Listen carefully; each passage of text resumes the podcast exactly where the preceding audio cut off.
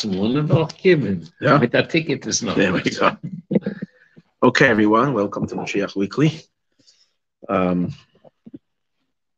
tonight we're going to start a new, a new, um, a new sikha, a new talk.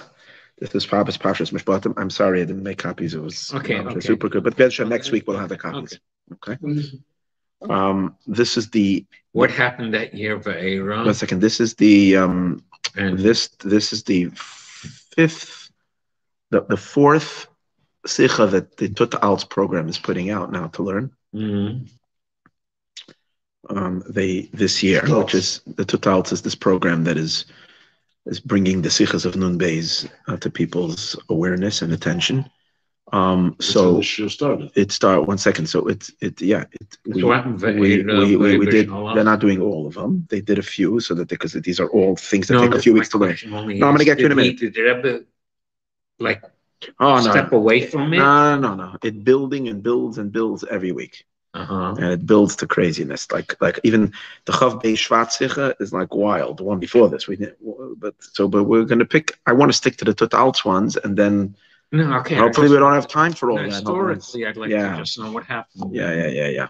Any case. So the, the the talks that we went through was the Barshas Vayeshev. No, they started with Chayei Sarah. Started. Yeah, then they did Vayeshev. They did Shemais. And then they're doing, uh, this was Mishpatim, is the fourth one. Okay, not two weeks already after Mishpatim in terms of the Parsha, but still, I say a recommended read. Gives a lot, a lot of insight on, on where we stand and, and what's going on. In any case, uh, is known, the Rebbe begins. Everything that happens in the world is by divine providence.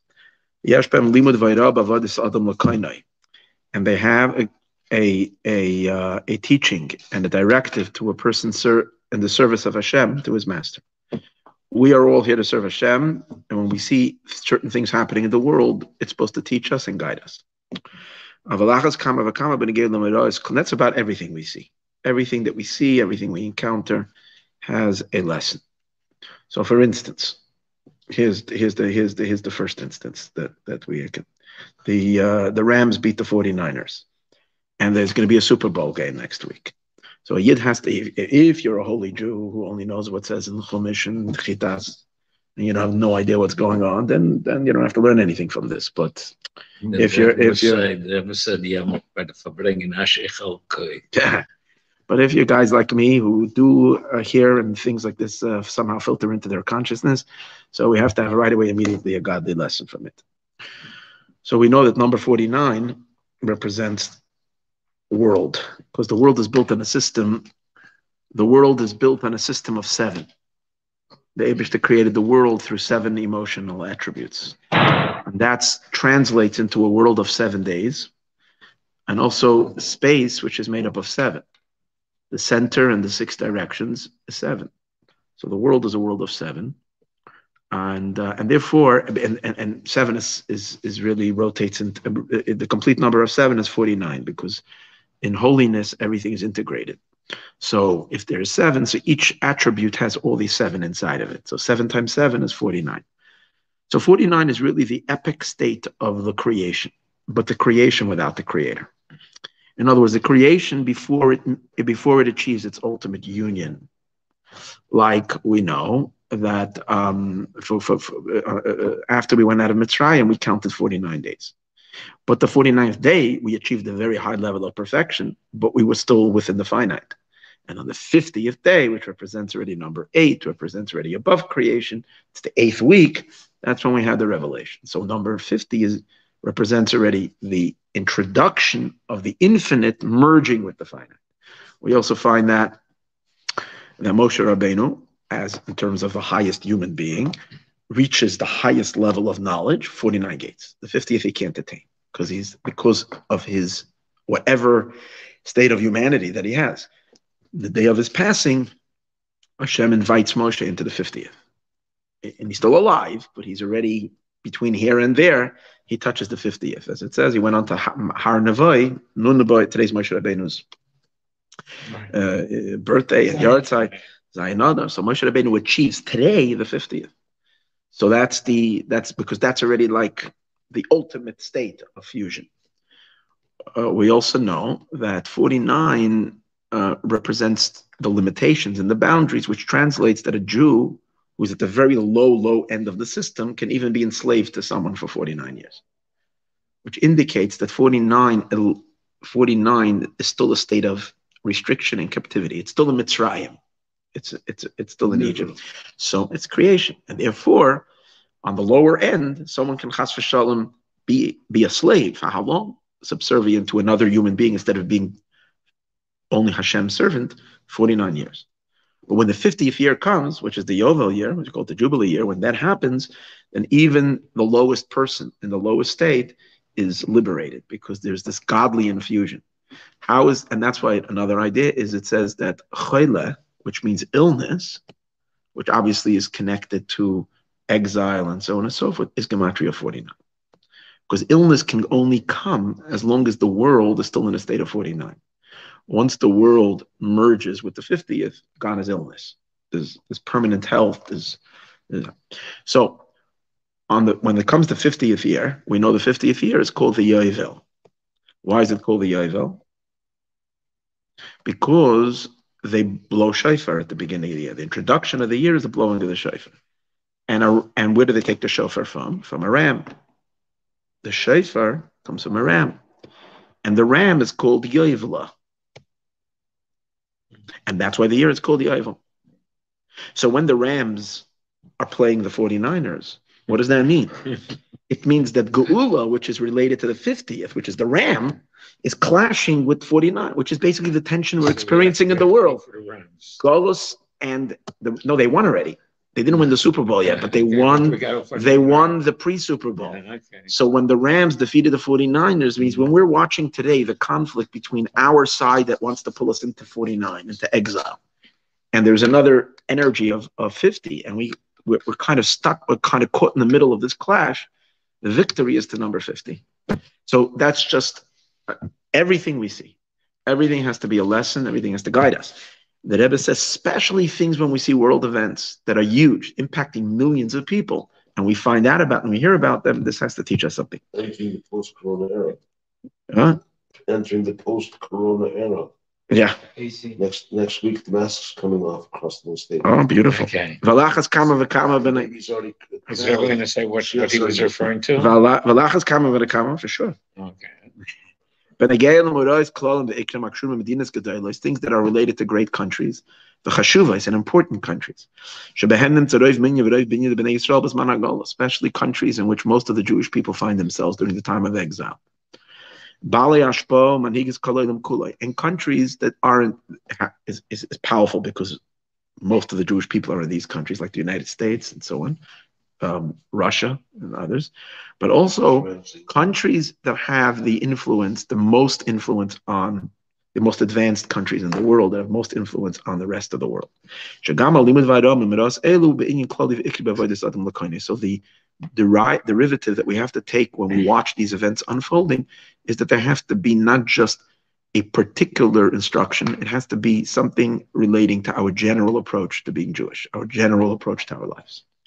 So when we talk about the events that have just transpired, first, first and foremost,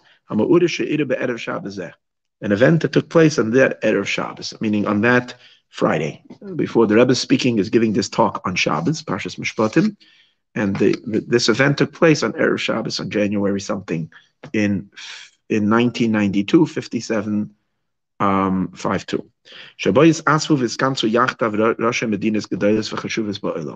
There was a great general assembly of heads of states and most important and, and presidents and leaders of the most important countries of the world. Leading them, the two presidents or leaders of the two most powerful countries, the superpowers. Wait, wait, wait, we'll see. We'll see. They came together. Who came together? That was the the George Bush of the United States. This is George Bush the first. Papa. Yeah, the Papa for uh, George Bush and uh, uh, Boris Yeltsin, who at that time was the leader of Russia, right after Gorbachev stepped down. And in this meeting, they announced, they decided, and they announced on a new, a new, a new era, a new era regarding the association of countries in the world. This is important to learn this now as well, because when we find a little tension in the world regarding the United States and uh, and Russia, so this is the Rebbe addressed this idea. What is the new approach to to international uh, cooperation? And that is bittul matzav shel Muhammad b'medina sa'olam, um, a nullification of wars amongst the countries of the world. That Shabbos, and the Rebbe was actually talking at that Farbrengen, that very Shabbos, the official documents were signed that ended the Cold War and the nuclear race. She is bata gamba tzimtzum a bittul kli which is going to express itself. In other words, and what this is basically funded on a complete change in attitude between nations, which, as the Rebbe is going to explain in the Sikha, is the first time in history that nations are are, are setting so, themselves in that that they're they're they're setting themselves on that path of where the where the where the ideal is peace and the idea is no more a competition of strength but quite on the contrary how can we work together to better the the civilization and better mankind? As we're going to see soon. Va'ad but doesn't say it over here. Yeah. Va'ad l'shalom va'achdas so much so that they want to make peace and unity. Shittif pu'ula and joint joint actions or joint um, um, um, um endeavors. The Ezra Hadadis by Medina.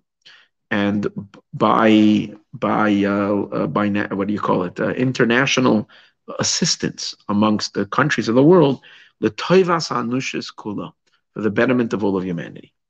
That meeting meeting was really, really, really a historical meeting.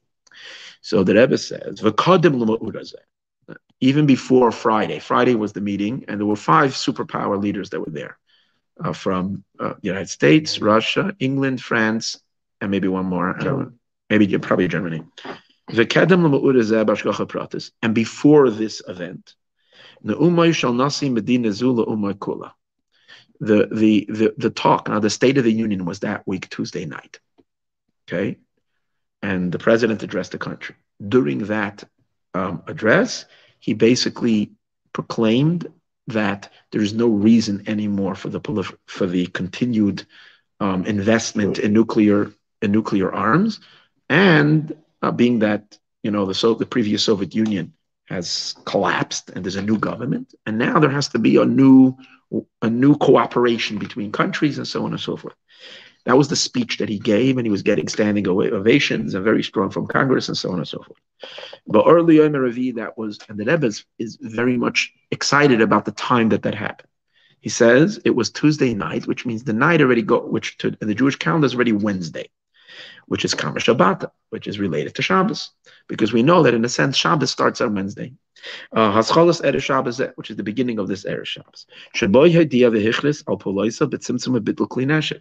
This is when he notified and he announced on his activities in in in, in, in, in disarmament. Vinitzel haksafim and the using of those monies. Now, there's going to be obviously if you're going to stop building these arms, you're going to have a huge surplus of taxes and monies that are coming in, which so much of it is going in, and billions and billions were going into building up the, the arsenal of, of these weapons. So we're going to take and redirect all those monies, which will not be for the uh, for the for the investment in, in arms, to be able to help the economy. the economy, Medina for people. In other words, to better the life of people across the country. And this announcement was then um, certified by the by the um, the, the Senate, the House, and the places where uh, the the the laws of the country are then decided. Which these things are not just you know these things have force according to Torah. Dina de dina, because the law of a country has a Torah um, value. So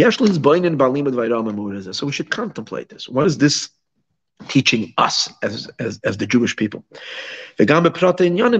And so much so, this is so this is so such a cosmic event that we should really look into the details and the smallest little details of it and what this what is this telling us? Makaimai, in which place did it happen?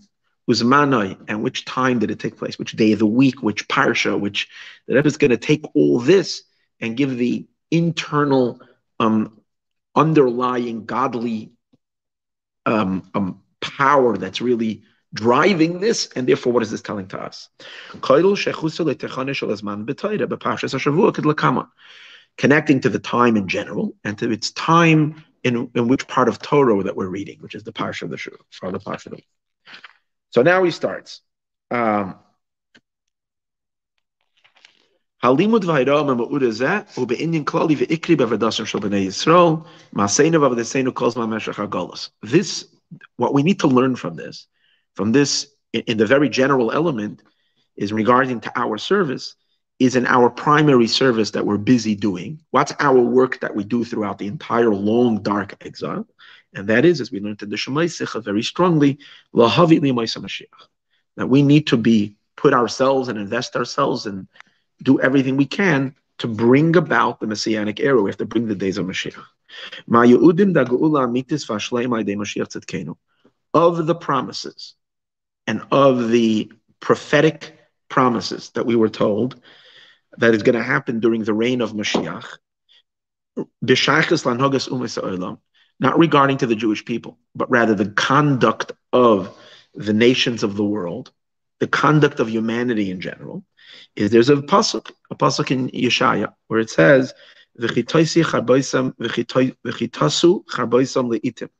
They will chop down their swords, leitim to plowshares, and their spears, will be turned into pruning pruning um, um, uh, scissors, yeah, like that.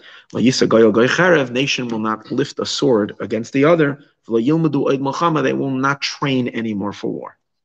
That is a prophecy that says is going to happen in at the time of the Mashiach. That what? That there won't be war, and that weapons are going to be turned into farming farming material. Now, the weapons, obviously, we have to be able to. The prophets were talking to the people in their generation, so the prophets were using terms familiar to the people. So the prophets were talking about swords, and they were talking about um, pruning. That's the way.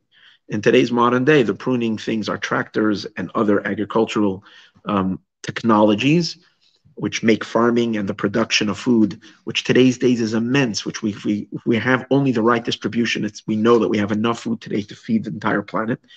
And also, when we talk about swords, a sword is a sword, but a you know a B-52 bomber or or, or, or F-16 fighter jets, these are the modern day swords.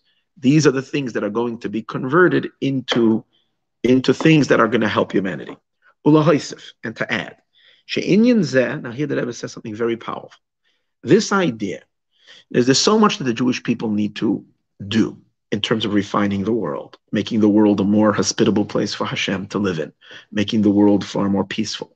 But this particular thing, to influence the leaders, the powerful leaders of countries who, who, who control um, um, armies of, of millions of soldiers and millions of, of, of, of uh, this particular influence, the Rebbe says, is going to be influenced through Mashiach Tzidkenu himself. Meaning, this is not something that we do. We, the Jewish people, to reach out and get Yidden to learn Torah and to do more mitzvahs. This is our job. Influencing the big uh, leaders to change their entire approach, that's Mashiach's business. So the Rebbe says, how do you know that? This is the job of Melech HaMashiach himself to do. Like it says in the beginning of this verse that makes these promises that, that I'm going to cut down, they're going to cut. Bein hagoyim. He's going to rule amongst the nations. And he's going to rebuke many nations. And the, the, the commentator that Rebbe brings, the Radak, who is one of the great commentators on the Navi, Hashoifet hu melech HaMashiach. Who is the Shoifet? That's Mashiach himself. Shia odoin kol amim. He's going to be the master of all the nations. V'hu yachiach lahem. And he's going to rebuke them. V'yoymar lemishayim avel. He's going to say to the one that he finds amongst them that they're doing some injustice, What will he say to them? Yasher hama'aves, straighten out. You know, fix fix up your act. And he's not going to tolerate corruption. And he's going to take all peoples that have corrupted governments and corrupted things and impose and, and tell them that they better, you know, fix up their act. And because of this, because Mashiach is going to be directing them and and and kind of imposing it upon them. That's why there won't be any more na- wars amongst the nations. Because he's going to make peace amongst them. And it will be it will be so they'll reach such a state where where there won't be, I mean, it won't be a temporary kind of ceasefire. It'll be such a state of complete changing of their of their entire attitude that they won't have to even keep it, you know, in the back, like, you know, just in case. They won't they won't need it at all. So they're gonna they're gonna they're gonna destroy them and turn that into uh, various different things that are now, you know, I know there was a there was a video, there was a video that was going around that in in uh, I think in Peru or in Chile or somewhere like that, um, they dedicated just recently a park, a, a kids park where they had you know kids are playing and all that, and it's basically and they show a video. It's amazing. It's from guns that they that they confiscated from from a few years from the from the from the drug cartels, rifles and guns. They melted all that steel and they turned it into swings and sliding ponds and stuff that. And they even write, I think, on the thing they even write this this this this pasuk that we're going to take the the things and they're going to transform it into yes. There's a few, a few kibbutzim or some places in Israel. Mm-hmm. They do the same thing with the shells that they with the Arabs uh, the rockets that they land. So he takes them and he, he, he makes he melted all kinds of. Uh, well, what the Rebbe is talking about over here that the fact that. Huh? Yeah. all kinds of. Yeah. But the fact the fact that we're talking about over here superpowers doing that that's a huge. He's going to explain later what a chiddush this is. I mean, what a novelty this is.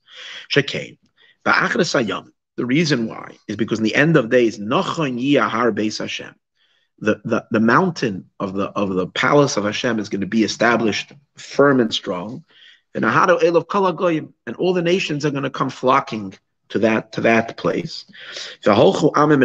And many nations will go and they will say, and they will say, let us go up to the mountain of God, to the house of the of the God of, of Yaakov. He will teach us from his ways and we will walk in his path. Because from Tzion, Torah will go forth with Varashem Yerushalayim, and the word of Hashem will come forth from Jerusalem. The Goyim are saying this. They, that's what they will say. Let us go and learn. And that's a no, and, and, that's a pasuk in yeah, the Yeshaya Shem's a pasuk, and also in Micha, this pasuk is repeated two times. The Radak again explains they're going to come and learn. From who are they going to learn? They're going to come to Mitzia. They're going to come learn from the Sanhedrin. Who is going to teach them? So the Radak says, Vahamoira. And who is the teacher? Melech HaMashiach. That's Mashiach himself, who is going to guide the nations, Va'olav Neman V'Shafat. And upon him it says that he will judge. Okay. So the Rebbe is quoting. So you see from here that what? That this job of neutralizing the nations and changing their whole attitude to throw away their swords and their things this will be only this will be the job of Mashiach himself to accomplish. The key So now the Rebbe, now the Rebbe said this is a prophecy of two thousand years ago. Now, since in our days there is this decision that is made and it's being announced publicly, heads of state, heads of countries from the whole world, al regarding simtsum abitul klinashik, that they are nullifying and they're ridding these these um, arms. And to add on to whatever is needed to fund uh, economies that are struggling and so on and so forth. You know what? So which this is the mamish the content. It's the modern day fulfillment of that old ancient pasuk Shvidas kli al breaking the, the, the utensils of war. Lasas mem kelim lavoidas adama. To make with that money, with that power, things that are going to help um, avoidas adama, the work of, of the agriculture and the like. Eretz mimena help an, an, an, an, economy is the same like working the, the earth because by working the earth you're you're, you're helping bring food. So this is a clear sign that this prophecy is now beginning to take to take hold in the world that through the ultimate geula, which is happening through Mashiach Tzidkenu, this is happening, is in the midst of occurring right now. And it's actually now starting. Liyeser beer, the Rebbe says. For more today, for more, for greater explanation. The hechste Zeit, since we are now at the peak time, shall be as Mashiach Tzidkenu, of the time of the coming of Mashiach, which is Hine Zeh Melech HaMashiach Bo, which the Rebbe has been quoting that year. Here he is. You can point with your finger and say, This is Melech HaMashiach that's coming. Royim Kvar, we can see it with our physical eyes. Me'ein v'hascholas pulosoi shel Melech HaMashiach We are seeing already Mashiach's impact on nations, on nations of today's days.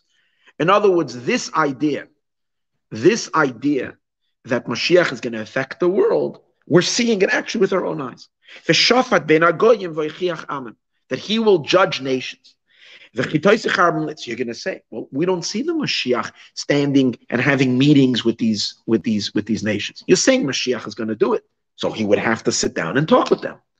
That's Bapashtis, what it, what it says, that he will already be sitting there with on his throne, and they will come to him for advice, and he will guide them and tell them or instruct them or compel them, whatever it is, to drop their weapons and start acting like mention and start behaving there.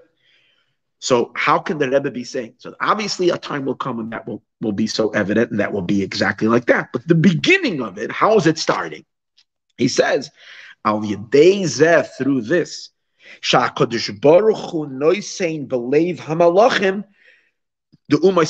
that Hashem is putting into the hearts is who's doing it? They're changing on their own. But because God is giving them a change of heart. Leiv melachim v'sadim b'yad Hashem. The hearts of kings and of ministers on the hands of Hashem. He is putting it into their hearts. Lahachlit ulahachris yachtov. For them to decide and to announce publicly that they are now uh, doing this. So, and the Rebbe is interesting saying it's Hashem putting it into their heart, and that's already the pool of Mashiach. Because Hashem and Mashiach are working obviously in unison. So it's more like a spiritual kind of an effect that Mashiach is having on them, as opposed to similar to what uh, in, in Igros Moshe from Moshe Feinstein, he talks about the Rambam, where the Rambam says that Mashiach will yilcham Muhammad Hashem, that Mashiach will fight the wars of God. He explains that it does not mean that Mashiach is a general that goes out into battle, but he says it's spiritual wars that he will fight, and uh, he will he will compel nations and change things through a spiritual type of a war instead of having to go out physically and do that. So that's like from years ago. Yeah, yeah, I'm the same. It's even halacha. And this is the reason. Is why did this happen right now? So the Rebbe is identifying this world event and saying you should know that this is a messianic event. Appreciate that. It says it has a specific shaykhs to the geula through Mashiach. So it's two things. First of all, it's related to the era of Mashiach, and number two, it's related to the person Mashiach Tzedkenu, who is the one who's affecting it. Yesh Now watch this mind-blowing development. Yesh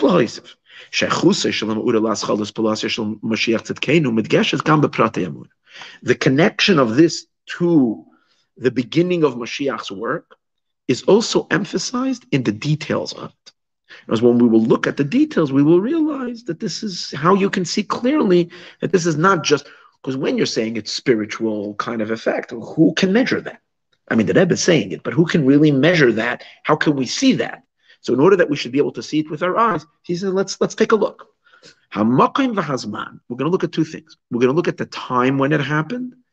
I'm sorry, at the the place where it happened and at the time where it happened. In which part of the world did the people announce this announcement? On this state, new world uh, state of affairs to cut down. Where did this happen? a specific place. It's a place where the representatives from the entire, from all, from all nations across the world, this is where they're represented, which is We're talking about the UN. So the UN is the place where you get together and in a kind of civilized way of interacting, people will discuss. I want to make a preface over here. The, Reb, the Rebbe is the one who told Bibi Netanyahu that when you're going into the UN, you're going into a place of lies and a place of darkness. Don't be afraid to hold, to say the truth, because you should know when you hold up one candle of truth, one candle of light, a whole lot of darkness to space. The Rebbe knew very well that the UN has been, from all their condemnations, every single time they all they all, all they're busy doing is is condemning the uh, you know Israel. So it's not a question that the Rebbe is a big fan of the UN. He knows exactly, but the Rebbe is not looking at the chitzanias. He's not looking the external element of it. The fact that they have yetzer hara and they're dealing with their own uh, satanic impulses, that's a different story. We're talking about the foundation of a, a concept of nations having a representation where they can talk, hopefully in the civilized, the, the intention behind it, the idea behind it, how everybody's living up to the personal uh, uh, um, responsibility of it. Yeah, when Mashiach will come, we have an established place where it can be in its perfect state. But the essential idea of it, the Rebbe is going to explain how significant this place is. It's in this country, which means it happens to be, it could have been in any country but it's in the United States. And it's in this this city, which means it's in New York City. In which city is it? In the city and in the country where Beis Rabbeinu Shebebavel is, which is the house of Rabbeinu, where, where, the, where the Rebbe's house is. Beis Chayenu, which is Beis Knesset of Beis Hamedrash, is the house of our life. It's our life, it's our life source. Beis Torah Tefillah Gemilas Chasadim, a house of Torah Tefillah Gemilas Chasadim, the Kvod Kedushas Marchachamin Asidarein, the place of my father-in-law. Shabachar boy who who established this place, V'kaver La Makam Markazi Shemenotate Torah. The Frierdiker Rebbe established this building as the place to be the center, the central station or the central headquarters from where Torah comes out. Remember that I said that. So this is the center until we're going to move to Tzion, to Eretz Yisrael, the center from where inspiration and Torah and light comes to the entire world from here. What's going to be spread from here? Torah, Vamayanis, and this well springs of Hasidus, Chutza, B'chol Katzvi table across the entire world, Ad Bias Mashiach Tzadkenu. And this is the this is going to be the center until Mashiach comes, Because which that too is dependent on spreading the well springs of Hasidus.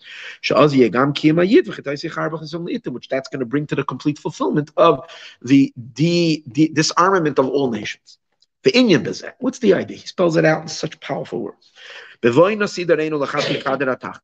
When the leader of the generation, that is referring to a saintly father-in-law, came to the lower half of the hemisphere.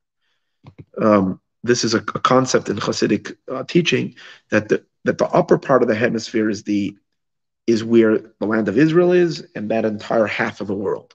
The United States of America is on the bottom half. Again, how that is seen in geographic division is not the point over here. Point is that Eretz Yisrael is then seen as the higher, higher in the sense that it has the greater level of holiness. Har Sinai, Mount Sinai is where God came down. So anything that is in that side of the globe is more is closer to holiness. The lower part is farther than holiness. If the whole point of the redemption and the whole point of Mashiach is that the high and the low converge, that God comes down into the world. So it's very, very important to reach the lower hemisphere because Hashem wants to have a desire, a, a home in the low. So one of the most principal, important principal teachings that the Rebbe is giving is that not only is godliness meant to reach even the lower hemisphere, but actually holiness will come from the lowest place. Not only will it also reach the holy place, But holiness will become so, the world will become so holy that the lowest, the lower points of the world will become the source from where the higher places are gaining their inspiration. So everything will flip over. The lowest will become the high. Similar to the fact that after Mashiach comes, earth will be holier than heaven. In the same way, within the world, there's something powerful about the lower half. Now, it doesn't mean that it's going to replace Eretz Yisrael, but there's something about the idea. Now, for, until Mashiach comes, yes. In what sense? And he established his place in this country, and in this city, began in a powerful way the purification of the lower hemisphere. In other words, the Rebbe says, at this point, people before that would say America is different. America, you can't be a Jew in. America, you can't be sensitive to God because kind of it, it you know, the, the, the whole centers of religious observance and all that is it belongs to the shtetl in Europe and so on and so forth. When the previous Rebbe came and established Chabad in the United States of America, that whole notion started to fall, to change, and we were able to establish a now fact that Judaism came to America. There were other great rabbis who helped and established that. The previous Rebbe is not the only one, but the fact that he set up a network that from that place inspiration should come everywhere, and that not only to stay in small locals in the United States of America, but to actually spread into every city across the whole uh, country and to enable Judaism and schools and yeshivas and mikvahs and all that stuff, which is so that is novel to the previous Rebbe.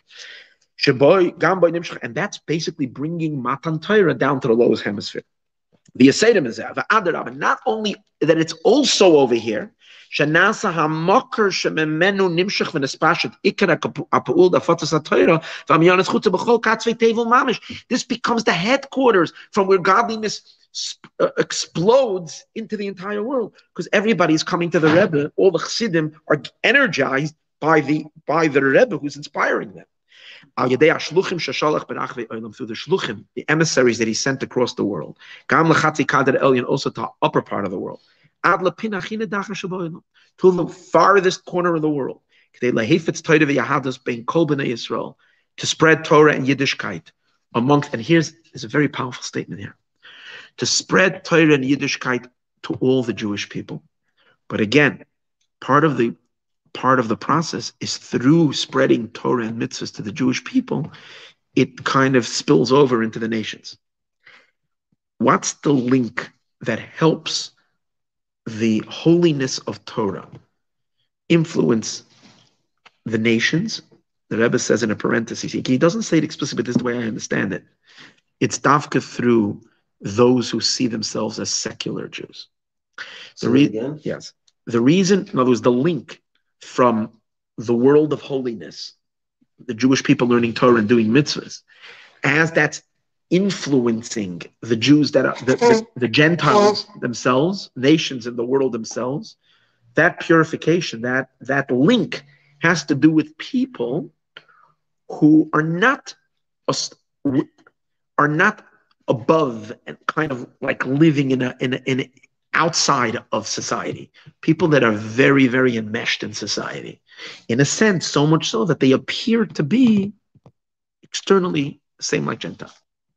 And when these people, we'll say in a second, and when these people spread to them Yiddishkeit, so and they do a mitzvah, since they are so much more part of the world, it's the same idea why the if Hashem wanted to, if Hashem wanted to influence the world, Hashem could have just given mitzvahs to neshamas, and neshamas will do mitzvahs and they'll influence the world. The answer is they won't, because when you're neshama you're not in a body, it's not having impact, or if, if, it's having impact, but it's not having much impact on the physicality of the world. You need the neshama to operate the mitzvah in a body, which is physical flesh, and through that, it makes a dent in physicality. Similar to that, within the Jewish people itself, those who are lives are completely different than the rest of the world, there's a little bit of a gap. Those who are, in other words, what this does is it explains that there is a divine plan, is that millions of Jews have become so much assimilated into the world. That too is part of the shlichus, even though no one was allowed to chas v'shalom choose that for themselves. But by divine, how do I see that? The Rebbe says these words over here. To spread Judaism across the entire world,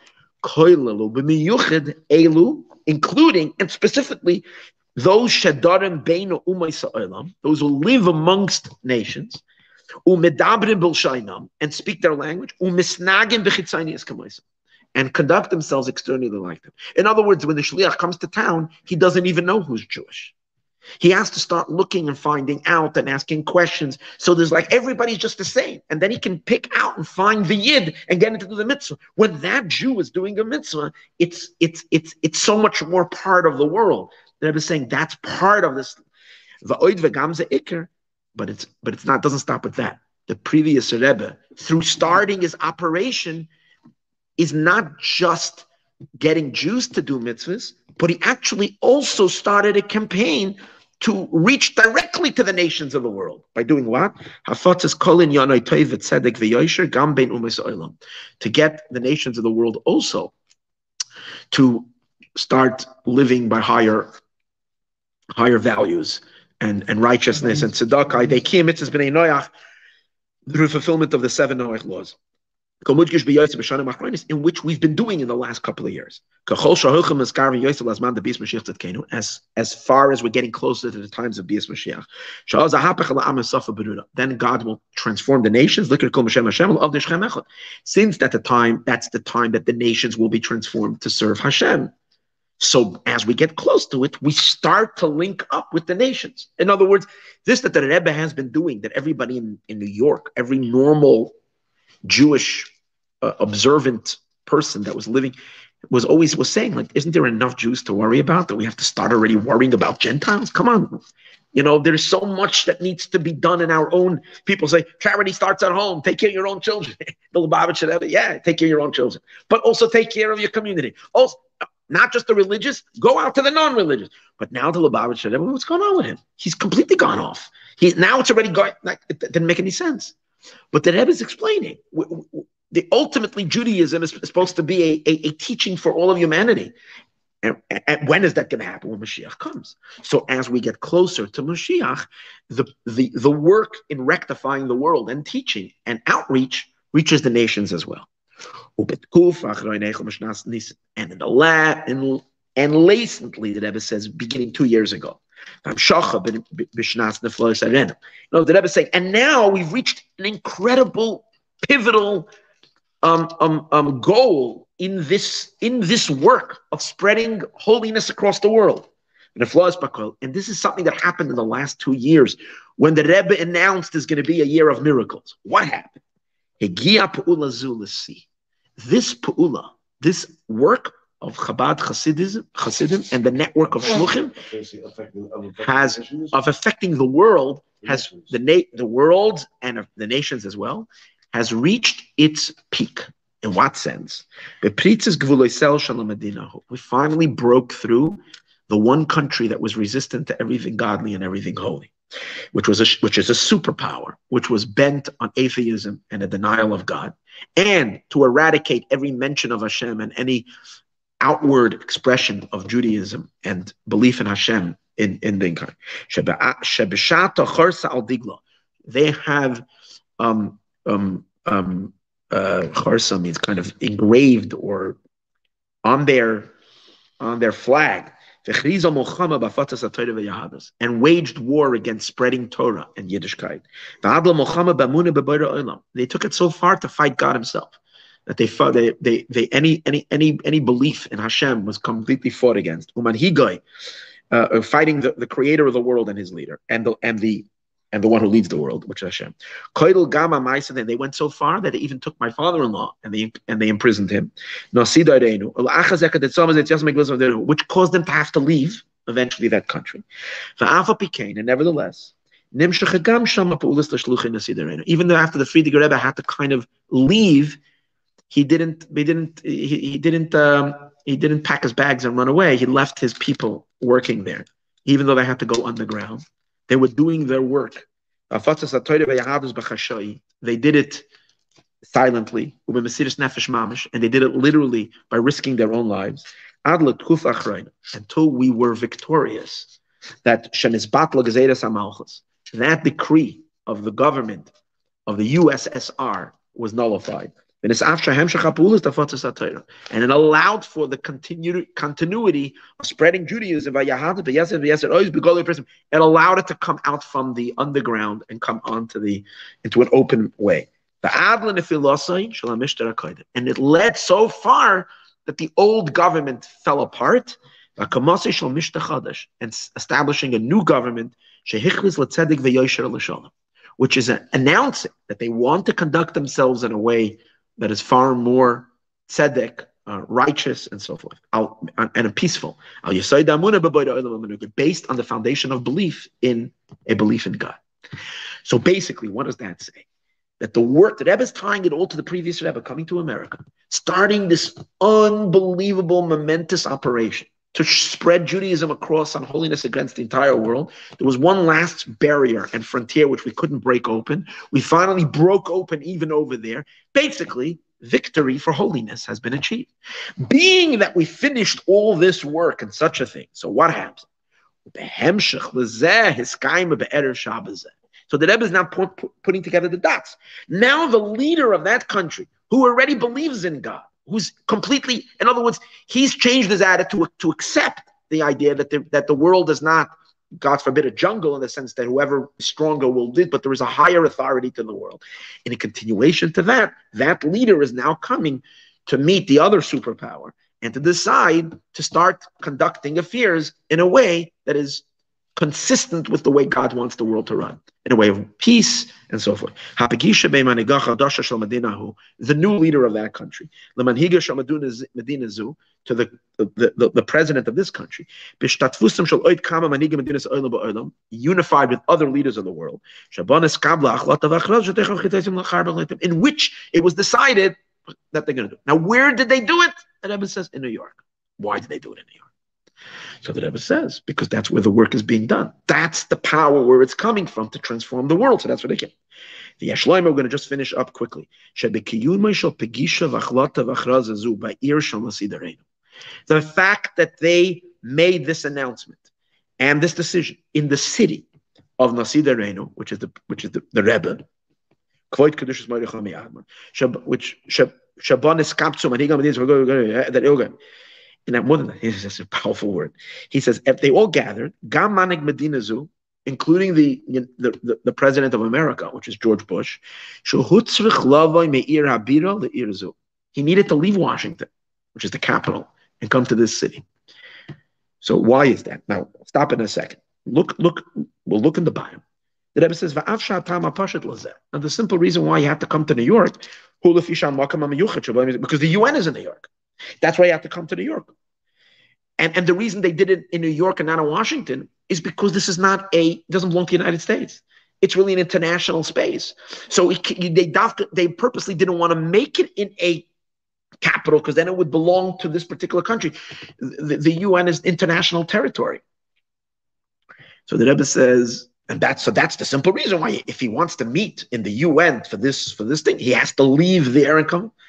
But the Rebbe says no. That's the external reason. amiti. I'll tell you the real reason. The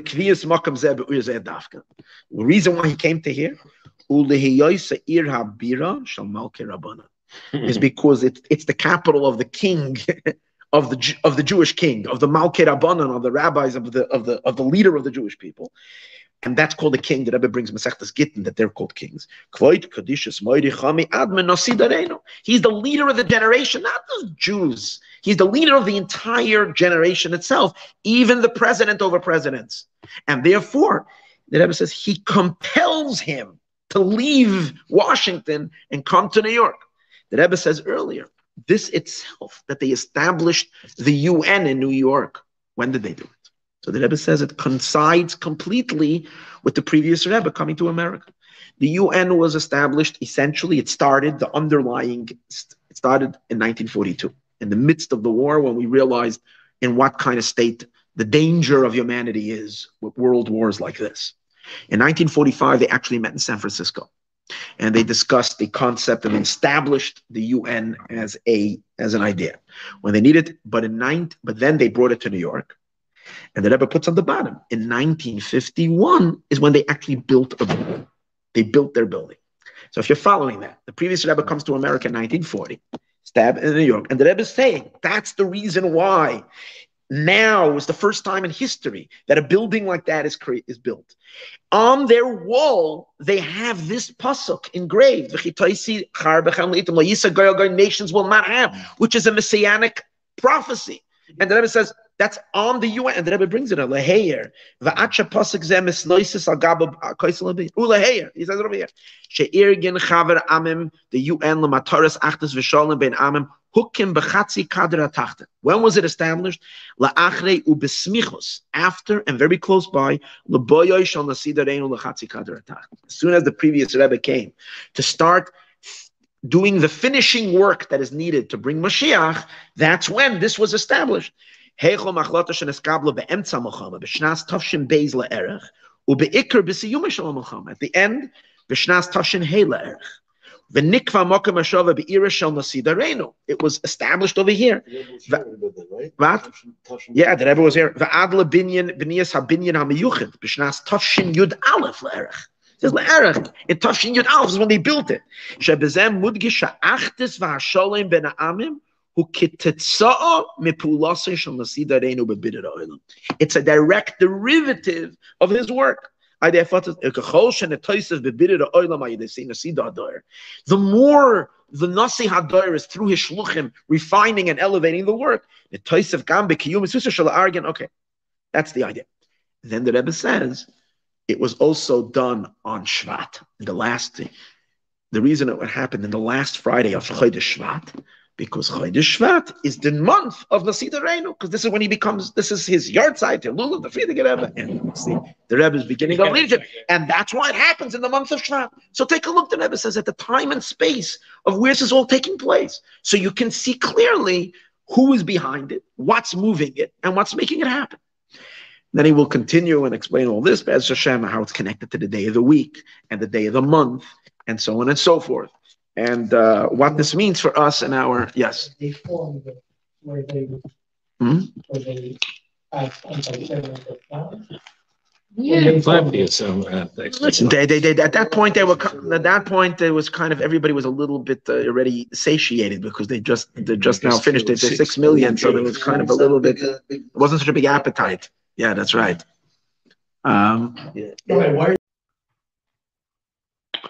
okay, everyone uh, some of the ideas that I'm going to be mentioning tonight. I mentioned in today's earlier class. This is a continuation of something we've been learning a few weeks ago. And this is from the source as opposed to me saying my own um, my own thoughts. Okay.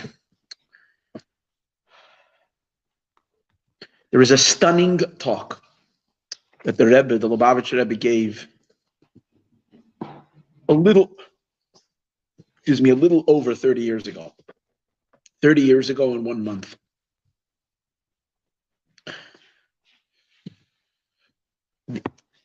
This, these talks and these teachings need to be taught and read to every human being across the planet. Uh, and and obviously, if we would do that, then we wouldn't be seeing this narishkeit, the silliness that's going on now. Uh, Hashem should help that us learning this should help activate what the Rebbe has been talking about. 30 years ago, the Rebbe spoke a talk where he said that the we're entering into a new era. This came in the in the in the in the um, as a continuation continuation of many many talks the Rebbe was giving the last winter that the Rebbe has been talking to us, in which he was talking about the world entering into Mashiach's, the Mashiach zone. And the Rebbe was talking about we're at the threshold of the redemption. Now, one of the most astounding things the Rebbe said was this particular talk that we're seeing already Mashiach's effect on the nations. The Rebbe was talking about historically the nations were at each other's throats. One nation bullied another nation, and nations tried to overpower others for territorial gain, for financial gains, for all kinds of other things. And that has been the custom of the world for thousands of years. The prophecies regarding Mashiach is that nations will live side by side with each other in brotherly love and respect. That's what's going to happen when Mashiach comes. So much so that the nations are going to take their weapons and they're going to turn it into plowshares, which means instead of putting in millions and billions of dollars or other forms of currency into weapons buildup to be a threat to one to each other or for defense, there won't be any worry. And you won't have to put all that money into defensive measures because there won't be a threat from anybody going to war with you because instead mankind will have the wisdom and the understanding and the inspiration to take to be to live in peace and coexistence one with each other and to utilize the god-given gifts of innovation and and prosperity and everything else that we have to improve our cohesive existence altogether to make life better. We could take all this money and fight disease. If we take all this money and fight all poverty and distribute wealth across the entire world, the world would be so much of a more pleasant place to live in. So the Rebbe says we have reached the time when that has has started. The Rebbe was talking about a monumental historical event that took place in January of 2092. At that time, there was a great meeting that was met, and we spoke about this in the earlier classes, between Boris Yeltsin, George Bush, the German and French and English uh, uh, uh presidents, whoever prime ministers, all came together in the UN in, in New York City. They signed a nuclear non-proliferation agreement, a de-escalation, a demilitarization kind of pact, and um, at that time agreed upon that they will focus their energies on humanitarian um, improvement across the world. And the Rebbe then was very, very happy with this and said that this is not just a, a, an advance for mankind in the world, but we have to really appreciate why people are doing this. This is going against the nature and the instinct, instincts of people from the beginning of time. The Rebbe said the reason this is happening is because the world is ready for Mashiach, and particularly the reigning in of the of of rogue nations or dominating world leaders that they should not be in competition with each other, but instead work together for a better world. The Rebbe says such powerful words in this talk that this is not something that we do. This is not something that is up to us, that we, even the Jewish people, even though we're supposed to be a light unto the nations, this is the Pa'ula of Melech HaMashiach himself. He has the dominance over the leaders. His word carries the clout and the weight to put people in their place, people that are misbehaving. And the Rebbe brings over there as follows: Leheyin. I'm going to read this over again. Lahoisif. She'inyan zeh. This idea. This is what's so important today because we're watching a world again spiraling out of control. We're watching a threat of nuclear war. And what is the answer? It has been proven right now that NATO is not the answer because NATO has not been able to protect Ukraine from a nuclear power. There's an aggression of nuclear power, and people are terrified. They're not doing anything. And you understand why they're scared, because no one is looking for a nuclear war, but it has become very, very clear that that that that we're good. We're good. It has become. We're good. We're good. I, I, I, I, I, I, I, I need like full focus. No, no, no, I'm good, but I. Okay, guys. All right. Yeah.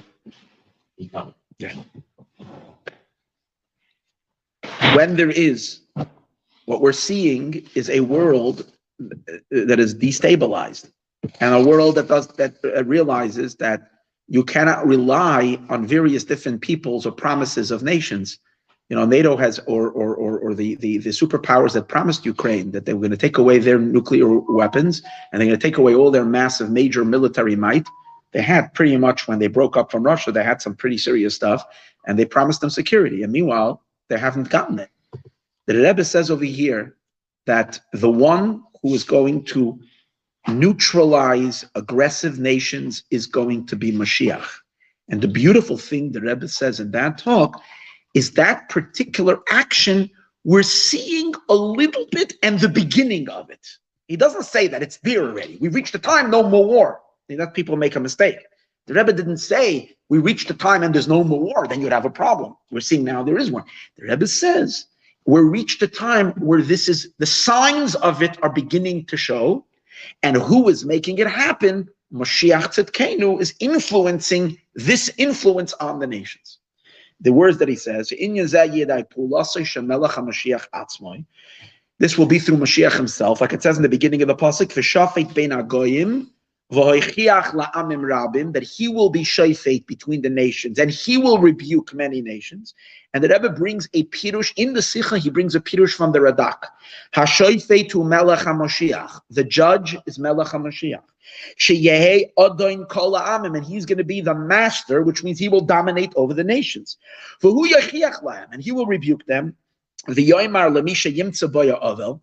And when we will find one nation in which we find amongst them mis, uh, um, Avel, Avla means what? You translate it in English um, someone is, is is behaving in an inappropriate way, someone is is is acting aggressively, and so on and so forth, in an unjust way. Avla is an unjust way. Then what? Yasher hama'ave, straighten out your crookedness. So Mashiach will put people in their place who are misbehaving. Umitnei is similar to Moshe putting Paro in his place. So Mashiach, in other words, dominance over the nations is not something that is our business as the Jewish people. We can't do that. We don't have the power to do that.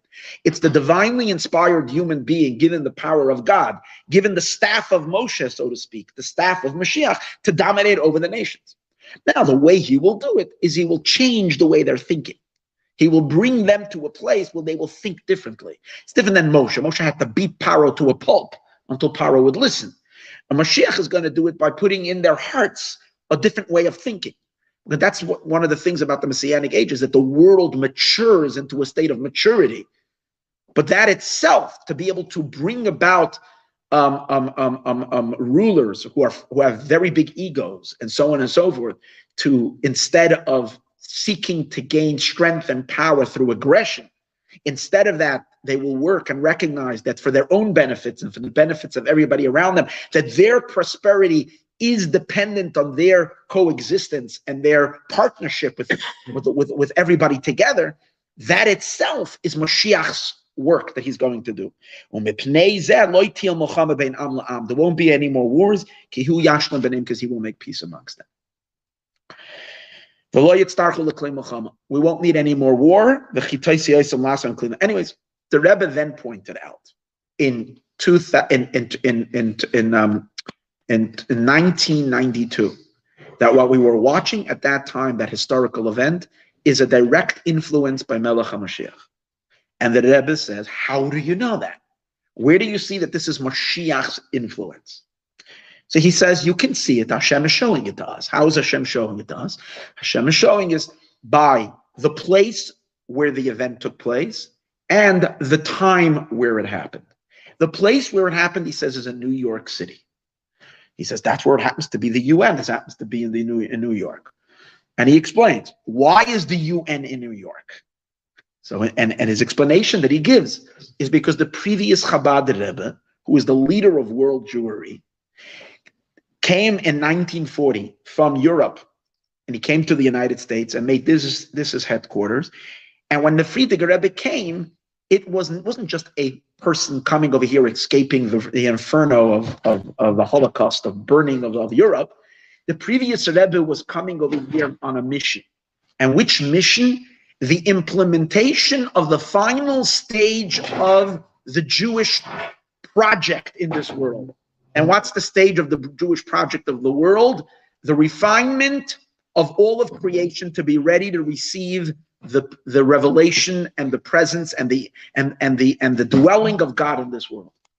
How do we prepare the world through the observance of Torah and mitzvahs and the spreading of Torah and mitzvahs to our Jewish brethren and the spreading of the mitzvot to the Gentile nations as well, the seven Noahide laws.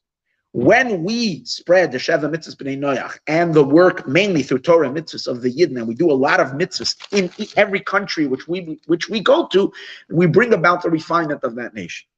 The fine, the last and final place. Now imagine a globe, imagine like today they show all these maps, let's say in Ukraine, they're showing how much the Russian army is advancing. So you're seeing a different color, like they're showing, I think they're showing on most of the maps, Ru- Russia's red. They're showing the parts of Ukraine that are overrun by Russia as red. So imagine this this this gold or, or light enveloping the globe of Torah and mitzvahs. It started in the higher hemisphere at Sinai and the land of Israel. It starts to spread around the globe. The lower part of the hemisphere is called Chatzi Kadar and it's the United States, Australia, and so on and so forth, which for whatever reason are called the other side of the world. Jews have not been in these parts of the world for thousands of years doing mitzvahs. It mainly started in the in the late 19th century and into the 20th century and now into the 21st century, where the Jews moved to the United States. And the reason for that is the way we conquer the world for God, the way we remake the world from God is we start in the higher part of the world and we go to the more resistant, the tougher parts. The, lo- the lower part of the world is considered the more tougher part. When did it begin, the final conquest? In 1940. And that's actually a deep, uh, I'm not going to give a reason why the Holocaust happened. God forbid, I'm not saying that. But one of the consequences of the Holocaust was it uprooted the center of Jewish life from Europe and it moved it to the United States of America, which means from now on it shifted the weight of Jewish observance. Most of the tefillin being put on was in New York or in in, in America. And for, but the Rebbe says it wasn't only Jews coming, they came with their leader. They came with their force behind it all. And but here's the magic, the Rebbe says. Not only the previous Rebbe start spreading Judaism even in America, but he set up the headquarters of holiness in the United States of America. And the amazing thing happened that the lowest place became the inspiration for the higher places. In other words, from the lowest point of creation, which is in the United States, which is the lower part of the hemisphere, it became the beacon of light for the entire world. Jews are inspired to do mitzvahs in the land of Israel, coming from New York, from the inspiration they're receiving from the Farbrengens, the teachings, the energy, the Ufaratzta movement, which means reach across the entire world. Today, everybody sees the work of Chabad because you can't help watching Ukraine. And what are you watching? You're seeing all the rescuers. Why, why are they rescuing there? Because they're the ones there. They're in Ukraine, they're in every country. Rebbe says, there was one country in, in this talk, he says, there was one country that was very hostile to Jewish in Europe to, to, to, to allowing Jewish observance, and that was Russia, the Soviet Union. But yet, the Rebbe says, even in Russia, Chabad was doing its work and spreading Judaism underground. The Rebbe says lately, in the talk that he gave in 1990, 1991, lately the work from the underground came up onto the surface. Why? Because the old government fell apart and a new government was set up in Russia. And as a result of that, the Rebbe says the Judaism was able to flourish and an unbelievable renaissance, an open observance of Judaism across what used to be the previous Soviet Union. As a result of this, the Rebbe says, we have just completed the work of completely mitzvahizing and the entire world. The entire world has become imbued with mitzvahs, with godliness, the world is ready for Mashiach. Since the headquarters of that is in New York, this, this final push, this messianic push, and the Rebbe says two things. Not only did the last phase of the exiles of the work we have to do in exile start in New York, but we completed it from New York. As a result of that, where do we start seeing the fruits, the messianic fruits. What's Mashiach fruits? Is that the world peace? Where do we start seeing that germinate? The seeds, the first flowering of that was in that meeting on Friday, I forgot January something, um, in 1992. The Rebbe says that's the fruits. The fact that it's happening in New York is indicating because that's the capital. It's not the capital of the United States. It's the capital of the leader of the Jewish people who the Rebbe says is also the Mashiach of the generation. And as a result of that, all this is happening. Then the Rebbe continues. It's not only the place where it's taking place that's indicating that it is a Mashiach phenomenon, that what you're watching is a Mashiach event. There's another proof to it from the time when it happened. Which time did it happen? He says he points to three elements of time. Number one, it happened on a Friday. The Rebbe says the fact that it took place on a Friday, that's when the meeting was, and actually the and the Rebbe says it's continuing on to Shabbos while he was talking. On that Shabbos, the final, the Cold War was officially over. They signed the documents to end the Cold War on that Shabbos. So the Rebbe says, why on Friday? Friday, he says, is a special day because it represents it's Erev Shabbos. It's the day before Shabbos. And we do all the preparations for Shabbos. Shabbos is called Shabbos because of rest, but Shabbos also means Shabbos because all negativity comes to an end on Shabbos. Shabbos is a day of the eradication of all darkness. As we say, Mizmar Shabbos, Lamashbiz Mina Oilam, that Shabbos nullifies and eradicates all demonic forces, including any type of force of destruction, including nuclear threats and so on and so forth, made by man or made by any other thing, is all eliminated on Shabbos. Shabbos brings in peace and tranquility, happiness, calmness, and so on and so forth. Erev Shabbos, the day before Shabbos, is already when you can start being Makabal Shabbos. The word that Rebbe says, hold on over here. Erev Shabbos, Erev Achon, it's a preparation. Since you can add Michoil ala Kodesh from the weekday onto holiness, so therefore, in other words, we start experiencing a little bit of Shabbos already on Friday. So since it's already now, he says 5750, that year was 5752. That means it's already Friday after midday on the cosmic calendar. 5750 was exactly um, 250 years into the daytime period of Friday. Just briefly, for, for those who might not be getting what I'm saying, the world is 6,000 years. We are now five, seven. So each each thousand years corresponds to a day. From zero to 1,000 is Sunday from 1001 till 2000 is Monday, and so on and so forth. Friday is from the year um, 5000 to the year 6000. So, but but it's 24 hours, a thousand years. Friday from 5000 to 5500 is the nighttime, Thursday night, which is the beginning of the day. 5500 till 6000 is the daytime of Friday. Now, midday, which when you start making the serious preparations for Shabbos, is 250 years later, which is 5750. So that's already very, very Shabbos time. The Rebbe said it 30 years ago. Tafshinun. How much more so that now we're 30 years later, we're deep into Shabbos preparation. Okay. So the Rebbe therefore says it's Friday. So that's also showing that this is an effect of the Shabbos, of the great Shabbos that's coming to the world. The second idea is that that day that this was taking place was the 26th day of the month of Shvat. Since it's the 26th day, 26 is the name of God's name. It's the gematria, the numeric value of Yud Kei Vav Kei, right? The name of Hashem, which is going to be revealed when Mashiach comes, when there is no more concealments and no more darkness. And Hashem has various different names. One of Hashem's names is Elokim. From the name of Elokim, there could be concealment, there can be um, um, um, um, darkness. that can be Bereshit Bara Elokim. God created the world of Elokim, which led into all kinds of darkness, war and suffering and famine and all the all the and illness and disease and all this stuff. But once Yud Ke Vav is revealed, right, which is going to be when, like it says, when when it actually describes a time when there won't be any more violence in this world, when there won't be any more um, any more uh, uh, aggression in the world. What does the verse say? The pasuk says, "Lo yareyu v'lo yashchisu." They will not do any bad, there won't be won't be any more violence. B'chol har my entire holy mountain. Either it means the land of Israel, or it means Jerusalem, or it means the entire world, which is called the holy mountain of God. Once Mashiach comes, the whole world is already the home for Hashem. Why? Kimala Oretz, because the world will be filled daya of knowledge. Deya what? Deya as Havaya, Yud. They'll know the name of God hinted to in 26. So the Rebbe says it's both Friday it's also 26, especially when the two of them come together. This is a dynamic Mashiach day. Finally, the Rebbe says, and probably not. Friday 26? No, th- that Friday yeah, happens to be Chav of Shvat. Oh, that. that Friday. No, he says, number one, it's Friday. Friday represents already Achana for Shabbat, and it's 26. And last but not, the Rebbe says, last but not least, not even V'oid V'gam Ze'ikr, is that it happened in the month of Shvat.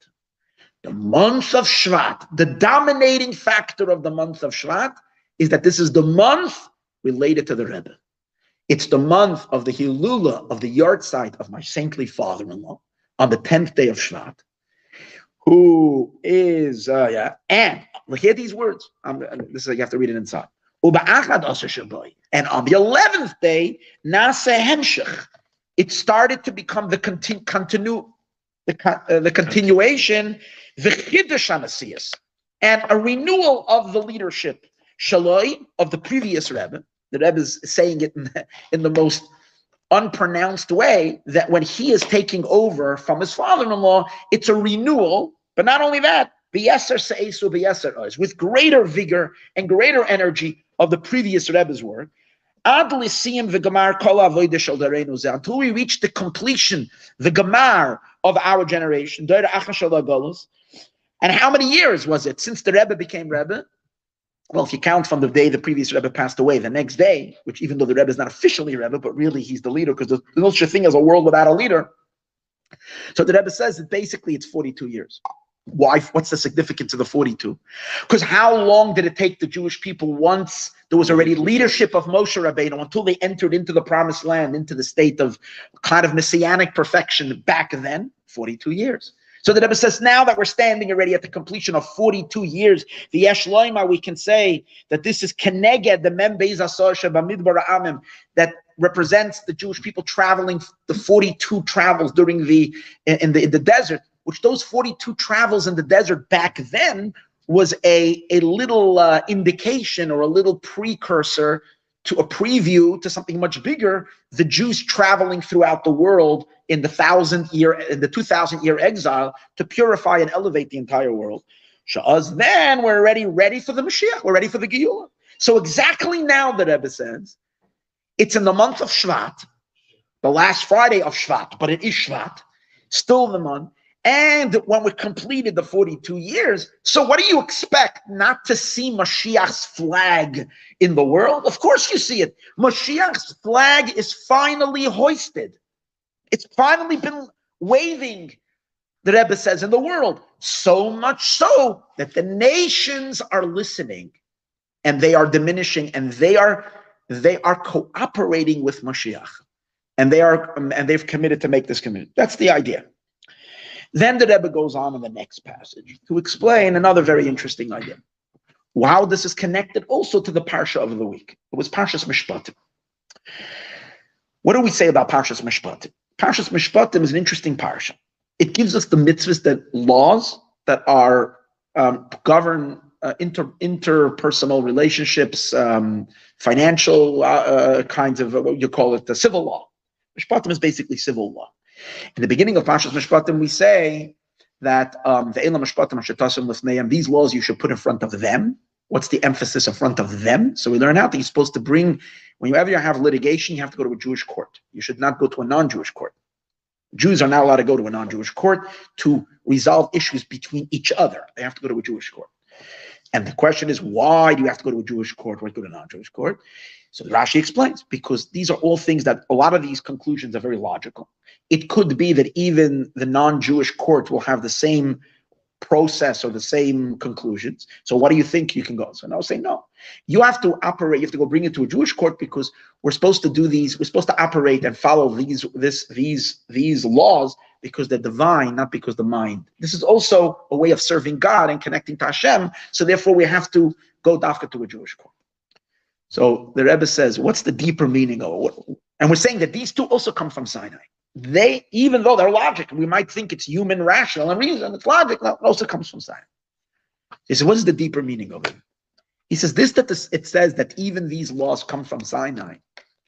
I'm sorry, this that it says, yeah, that even these laws come from Sinai, what it really means is not just that we're supposed to transcend our when we're when we're when let's say you, a person steals or a person damages someone else and he pays back for the damage he shouldn't pay his debt for the damage just because he feels it's the right thing to do, because of his human understanding that this is right. But as a Jew, we're serving God. God wants me to pay. Okay. That's a simple meaning. We're supposed to do it in service of the divine. Fine. But a deeper meaning, the Rebbe says. This itself, that our minds agree that this is this is the right way of behaving, should not be taken for granted that that is just the way it is. It says the human mind came to these conclusions because this is the will of God. Because Hashem in Torah, because God had the desire that this is, a utterly godly desire that is infinitely beyond all logic and all understanding. But God has so decreed that these laws should also be understood in first in God's mind, and from God's mind, it should come down to be the way our minds think. That we think that way because God understands that way, and because God understands it because He willed it that it should be that way. And for that reason, we understand that way. So Af Elo Messinai means that the very notion that human logic comes to the conclusions of all these civil laws is because of a divine decree that human logic should, should match up with God's will in these mitzvahs. There are certain mitzvahs where God didn't decree that. God says your your opinion can be different than my opinion. You can feel very different than me. You might love that ham sandwich very very much, and I'm not asking you to dislike the ham sandwich. You can actually sit there and salivate when you're looking at that gram saying, but as long as you cooperate and don't listen, you surrender your will for my will, it's okay. But when it comes to these mitzvahs, God wanted our minds to appreciate and think like him. And that's the reason. So much so that not only is it this mind of human lo- of, of, of Jewish logic of our minds, but even even the logic of the nations of the world, they too think that way. And that's why you have to say you can't bring it to their courts. You have to bring it to the Jewish court because the, because they're also thinking that. Well, why are they thinking that way? Because Hashem made it that way. So that's the concept of mishpatim. The concept of mishpatim is that God's mind dominates over human logic. What does it have to do with our discussion? So the Rebbe says an interesting thing. For thousands of years, you would expect that th- this idea that nations should live shoulder by shoulder in peace and in harmony, and they should take their innovative power and their great wealth and all their talents and abilities and utilize them in order to build and not to destroy is such a simple, simple idea because everybody wants to live in peace. Everybody wants to live a wonderful, good life. So cooperation between the people in the world, obviously, is, is makes so much logic. Who could be against the concept of world peace? So if that's the case, the Rebbe says, why is it that people were not living like this? Why couldn't we figure this out 5,000 years ago? For 5,000 years, we're killing and butchering each other. If it's so logical. And suddenly now, the Rebbe says, people are thinking that. There is finally an understanding that we should do so. And the fact that regular people are thinking that way is not such a great thing, but even the big rulers and and and and, and movers and shakers and controllers of things, they're also thinking that. Why is that?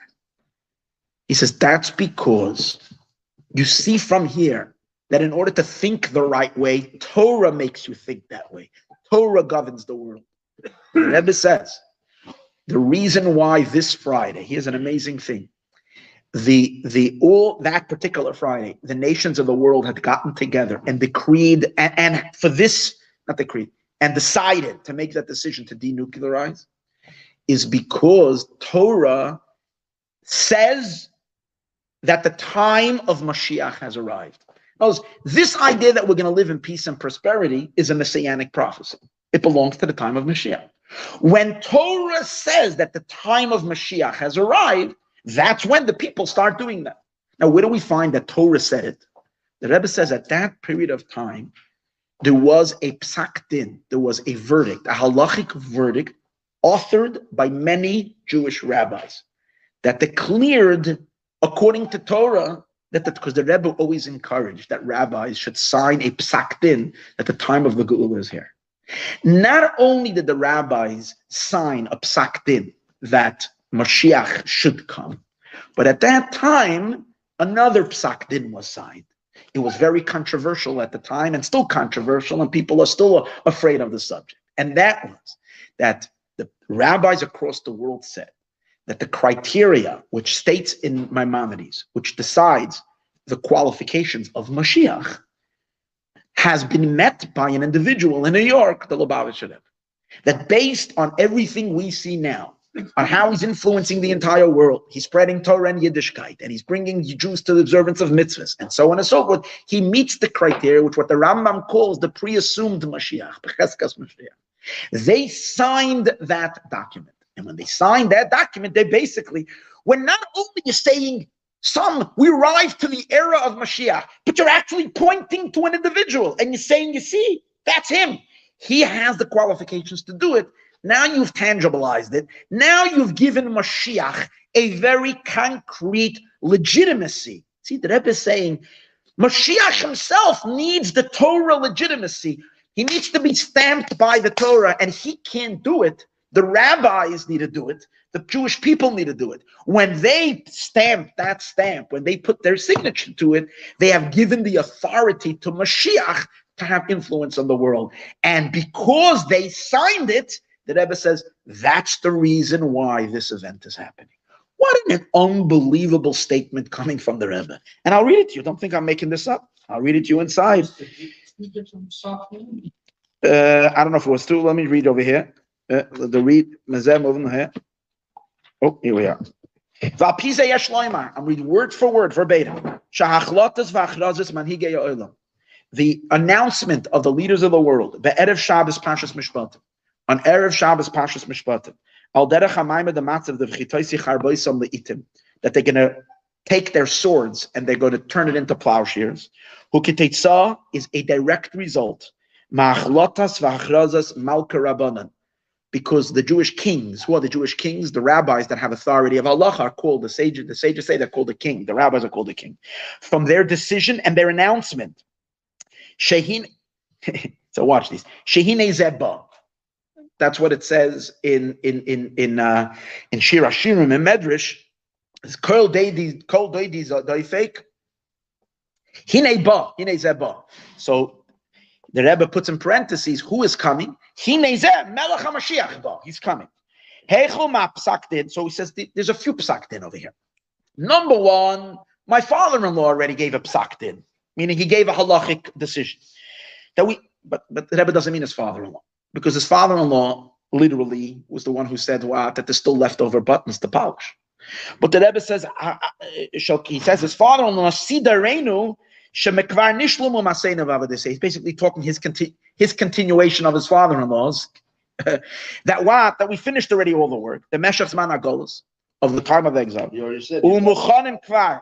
You already said you're all Shvat. Yeah, it's a continuation. Of the Frierdiker Rebbe. Yes, umuchanim kvar lekabos b'nifnei Mashiach, and we're already ready to receive Mashiach.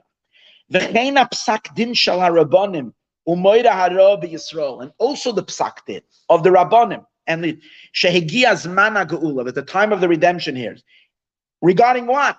Yamoid Melech mi Beis David, that there is a king of Beis David, Becheskas Shehu Mashiach, who is Bechazaka. He has the he has the assumption as Mashiach. Va'adla hamayim the that is a Mashiach b'vadai. That they didn't paskin.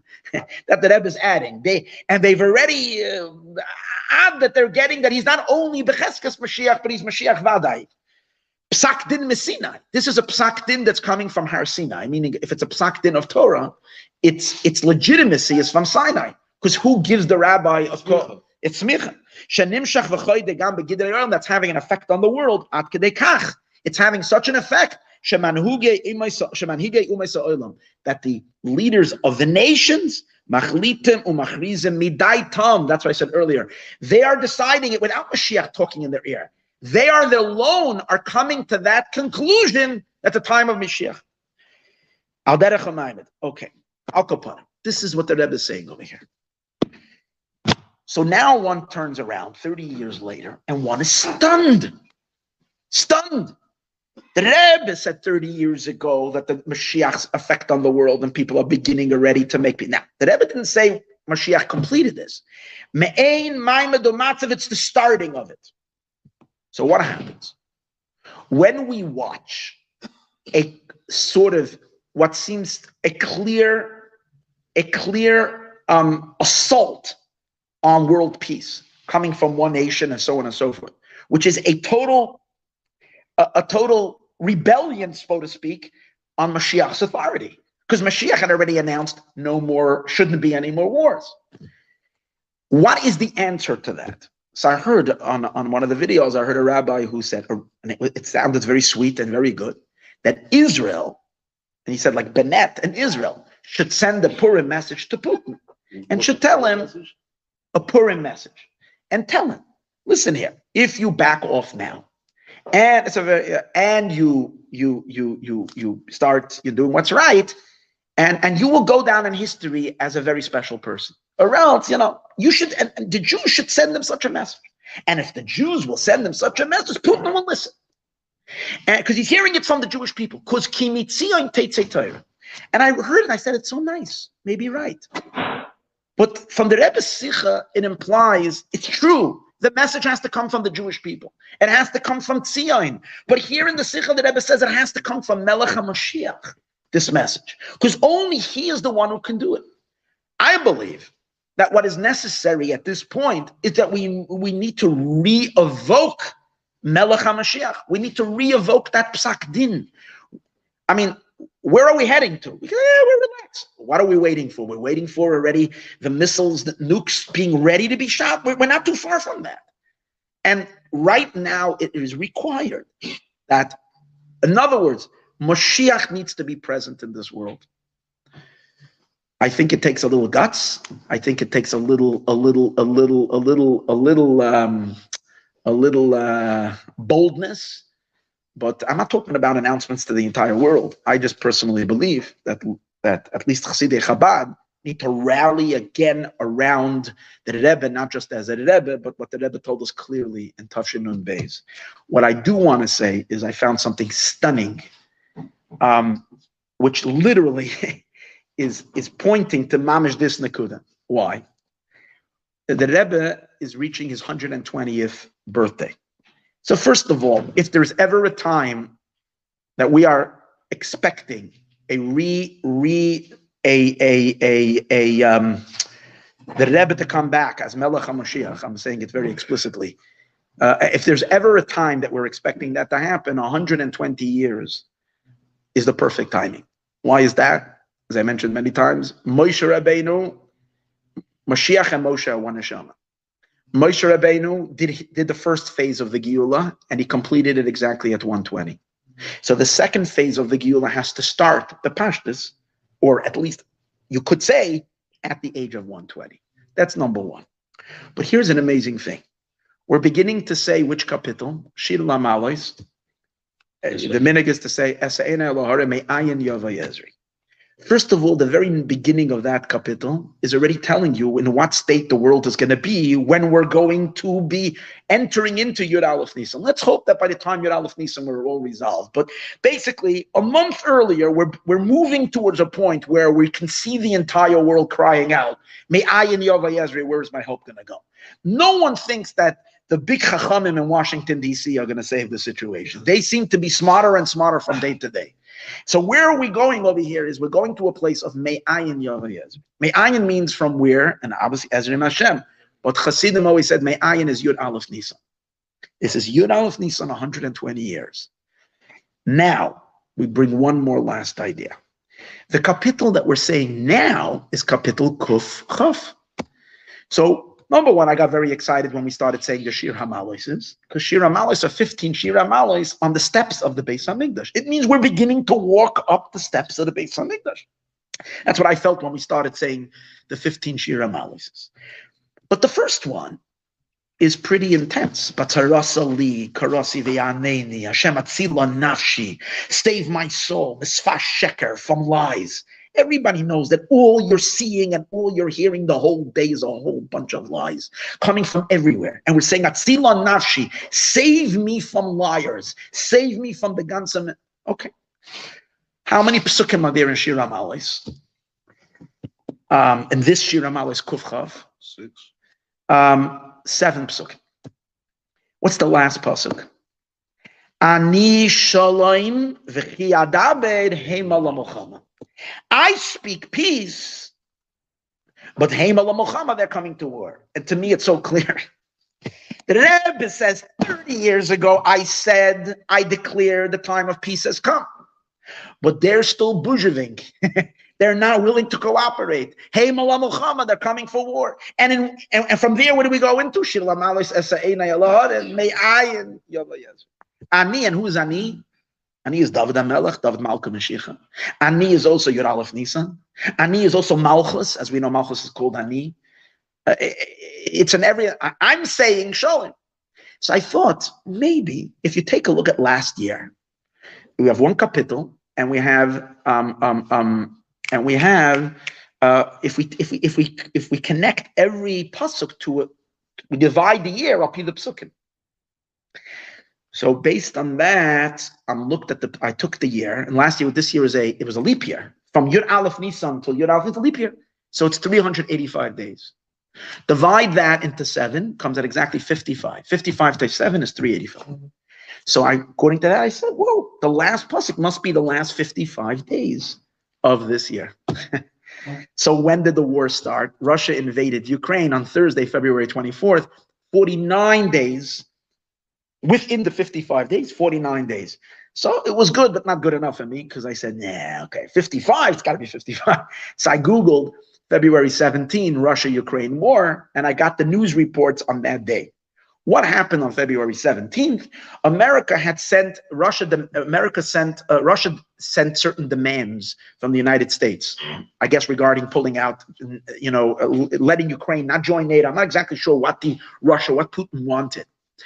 The United States answer gave an answer, and on that day, on February 17, Russia rejected the United States answer. In other words, that last reaching out for peace and stopping the war by the rest of the world, led by the United States, was rejected on which day? I'm still giving you a hand, trying, trying to work this out without an attack. And then you got the last pasuk.